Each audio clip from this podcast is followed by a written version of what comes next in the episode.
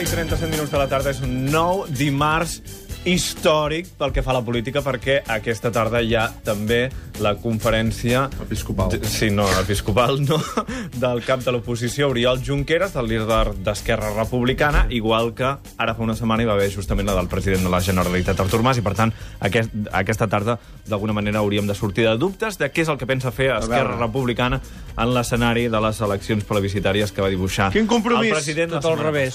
Van dir tot al revés. No? Ja ho veurem, Tu ja ho dius veurem. això, doncs jo dic totalment al revés. I trobar un punt mig. I va, i va en Mas? Sí, va, Sí. finalment ha confirmat I que sí. Ens acompanya el Maiol Roger. Maiol. Visca! I vas, vas, i vas Mallol? Jo potser ho segueixo per la tele, eh? això és com la Fórmula 1, que a vegades segueixo jo per la tele, encara ho he de pensar. les repeticions, no? Es veu millor el revolt. Es veu millor el sí, sí, sí, aquelles cares. Aquest... De fet, hi ha parts del discurs que, que, que, que estic segur que les he sentit mm, bastantes Ja. vegades. També hi ha aquelles noies que aguanten paraigues, no? No, no, no, si no, ja aniria segur. Si no, ja aniria segur. Comencem Uh, amb les claus d'avui.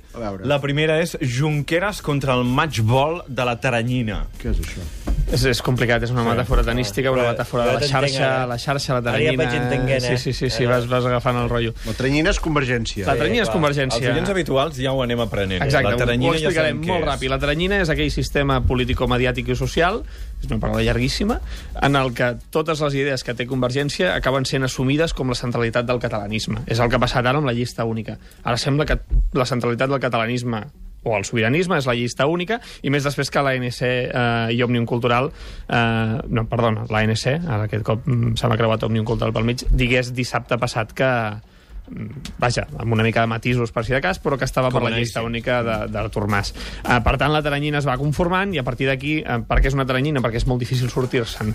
Això és el que intentarà Junqueras aquesta tarda. Per què un matchball? Perquè um, té una pilota decisiva, un matchball és en, en tennis, uh, el, que, el, el punt de partit, diguéssim, uh, si Junqueras falla amb la conferència d'aquesta tarda és molt probable que les coses li puguin anar malament en els propers mesos i amb les eleccions. Què vol dir que Junqueras falli? Uh, primer anem a veure què dirà Junqueras. Tu diràs, resoldrà dubtes. Ja et dic jo que no. Uh, perquè bàsicament vindrà a explicar en una llarga conferència la seva proposta de llista paraigües. Què vol dir una llista paraigües? No és una llista que anés ben dies com ahir, que plovia i que te la pots posar al cap perquè no et mullis, sinó que és una llista en, en la que tu tens un cognom que és compartit amb altres llistes. Per exemple, Esquerra Republicana, ara és l'hora, llista pel sí. No sé què, Convergència, ara és l'hora, llista pel sí, el cognom que li vulguis posar. Uh, quin, és, uh, quin és el discurs de Convergència? Uh, D'Esquerra, perdó. Diu, si nosaltres fem aquestes llistes separades, podrem sumar més perquè si una persona que és independentista però que no pot veure l'Artur Mas perquè és de la CUP, pot, votar la CUP, que tindrà una candidatura transversal de l'Esquerra Alternativa. Si una persona que vol que guanyi el Junqueras sí o sí, que el Junqueras sigui president, que és el que més li interessa a Esquerra Republicana, eh, pot votar el Junqueras i en canvi no pot votar el Mas amb aquesta llista transversal de la socialdemocràcia. Si una persona creu que el lideratge del Mas al procés és imprescindible, pot votar la llista del Mas. Què comparteixen aquestes llistes més enllà d'un cognom? Un programa comú que digui, escolta'm, doncs quan arribem la primera sessió del Parlament començarà el procés cap a la independència. En això sí que es pot seguir el full de ruta que va presentar el president Mas. En què fot fallar Junqueras? Una mica en el que dèiem la setmana passada. Si Junqueras eh, fa la conferència i la sensació que queda a la gent, sobretot, és que ell fa una conferència de partit, fa una conferència en la que està buscant una excusa perquè la gent el voti ell i no Artur Mas, aquí Junqueras haurà perdut molts punts. Si realment cala la sensació que la seva proposta és la que és més interessant per l'independentisme a nivell de sumar, perquè en el fons aquí estem parlant de que en unes eleccions surti majoria, mm, Junqueras haurà pogut superar aquest matchball. Eh, bàsicament, parlarà de la llista i parlarà de justícia social i de corrupció, que són les dues coses en les que pot contraposar-se una mica a Convergència i Unió. O sigui que Junqueras aquesta tarda ha transmetre la idea que la seva proposta suma més, fins i tot encara Exacte. suma més, que la que va dirà, presentar Artur Mas la setmana Hem de, passada. mirar, hem de mirar amb quina proposta sumem més, perquè del que es tracta és d'arribar, no de qui arriba. Farà, farà aquestes però voltes. I tot això mesclat amb, amb eh, doncs una mica de l'atur, una mica d'economia, una mica de corrupció, que hem de ser un país net, hem de ser, hi ha d'haver regeneració democràtica, amb aquests punts que no tots semblen independents. Ah, I no hi haurà cap sorpresa? Home, una sorpresa hi ha d'haver aquí. És que si no, el president va Home, dir, si supo- convé vaig a últim. Home, el, el president la va fotre molt Home, grossa. suposo que alguna Ah, sorpresa igual, hi haurà, però, però no... vaig a últim però- i a més a més venia però a la si me Xina. l'haguessin explicat Ah, abans d'hora no seria una sorpresa perquè us la diria, us la diria aquí a Ah, però ja la vosaltres. saps, ja la saps. No, no, no la sé. No la sé. A, més, a més, Oriol Junqueras normalment no llegeix els discursos i avui em consta que tampoc farà. I per Plorarà? Tant, eh, és, potser, potser, si no plorar, home, hi haurà un moment de trencar de veu, perquè sí, perquè ell, ell a vegades fa discursos molt de... anant exemples concrets de persones que té a l'atur i això Sí. que, que sempre s'emociona. I quatre passos de dancing no farà? Per Bueno, jo crec que estarà de peu i amb el micro aquest, aquest modo Chayanne de breakdance per allà política. Vindrà la seva amiga andalusa? Suposo que no, però vaja, la, la Podria trucar no? i preguntar-li. no? Exacte. Molt bé, segona clau d'aquesta setmana, d'avui mateix, també els pressupostos. Sobre la botzina o d'USB mullat?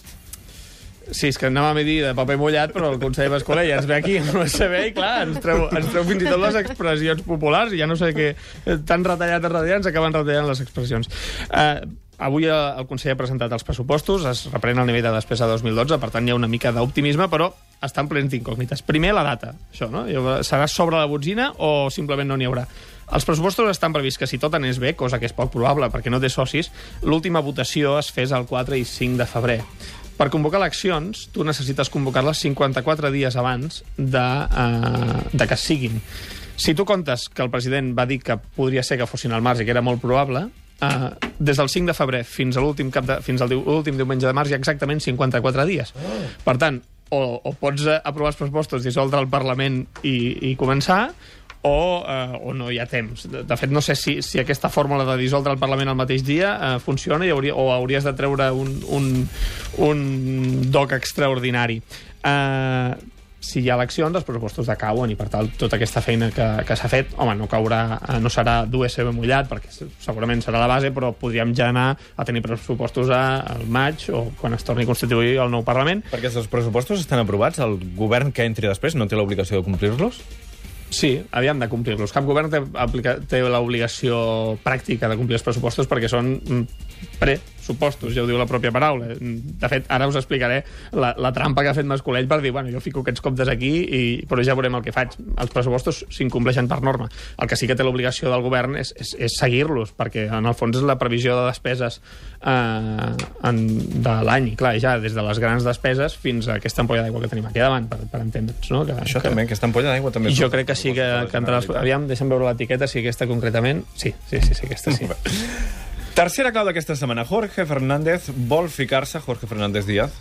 No, no és aquesta. Què passa? No, no, que, no, que, que m'havies- m'havia deixat una segona incògnita, Ah. que anava, fet una pausa dramàtica per Sí, mirar no, l'etiqueta. dramàtica. Que Però si vols ja havia- acabo, eh? No, digues, digues. La trampa dels pressupostos que dèiem abans. Hi ha 2.500 milions pendents que, de l'Estat per pagar, eh, que el conseller Mascolell ha posat allà com a previsió d'ingressos, però n'hi ha que són des del 2008, és a dir, mm, vaja, bàsicament no sabem. És com si jo poso en un paper que, que tindré una nit de passió... molt optimista d'ingressos. Exacte. Tu imagina jo poso en un paper, tindré una nit de passió amb Barrafeli, però no li he preguntat. Per tant, es pot posar en un paper que simplement... Ho fas, això, no seré. de posar coses en papers, tu? Eh, vaja, però sempre si que ho tinc assegurat... sí, les- ja, ja, ja està, sí, sí, sempre m'ha passat. Jorge Fernández Díaz, eh, tercera clau, vol ficar-se a la cuina d'Artur Mas. Va, us explicaré una anècdota de l'any 95, perquè com que sóc periodista m'ha- i m'agrada anar a l'última hora, eh, el, el, el, el Artur Mas va ser nomenat conseller de Política Territorial i Obres Públiques, va entrar al govern substituint un senyor que es deia Jaume Roma, que va haver de dimitir perquè s'estava fent una casa i resulta que la casa li estava fent una constructora a la que havia adjudicat obres eh, de forma directa.